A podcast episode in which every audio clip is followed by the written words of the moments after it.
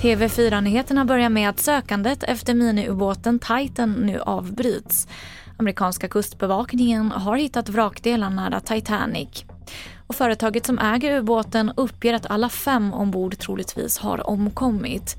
Vrakdelarna som har hittats tyder på en katastrofal implosion. Det här uppgav kustbevakningen i Boston under en pressträff sent igår kväll. Så till centrala Malmö där en person hittades död i ett utrymme på en restaurang igår kväll. Händelsen utreds nu som mord och vid 22-tiden så fanns det inga uppgifter om att någon var gripen eller misstänkt.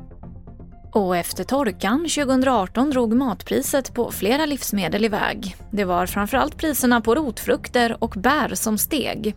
Och nu väntar ett liknande scenario.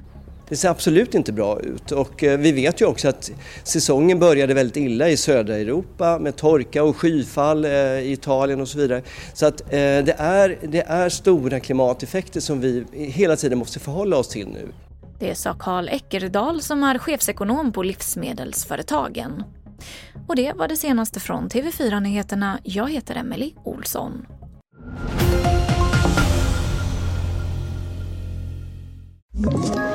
Ett poddtips från Podplay.